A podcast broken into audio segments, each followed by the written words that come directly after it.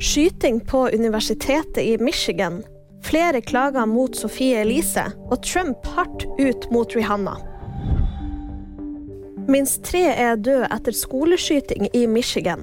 Lokalt politi melder på Twitter at det skal være flere skadde etter en pågående skoleskyting ved et universitet i Michigan. Skytingen begynte like før halv tre i natt, norsk tid. Den mistenkte gjerningspersonen er død. Det melder lokalt politi på en pressekonferanse. NRK vil ha en grundig prat med Sofie Elise etter Instagram-bildet. Influenseren publiserte et bilde på Instagram som raskt ble sletta. Det har nå kommet over 30 klager til Kringkastingsrådet. På bildet poserte Isaksen sammen med en annen profil foran et speil.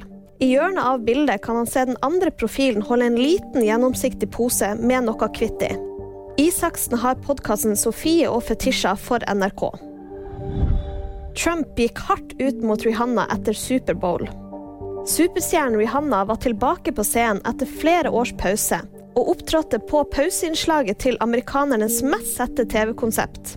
Flere hyller Rihanna for sitt comeback, men den tidligere presidenten Trump var imidlertid ikke imponert, og kalte det det verste pauseinnslaget i Superbowl-historien. Og Det var VG nyheter, og de fikk du av meg, Live Auskar.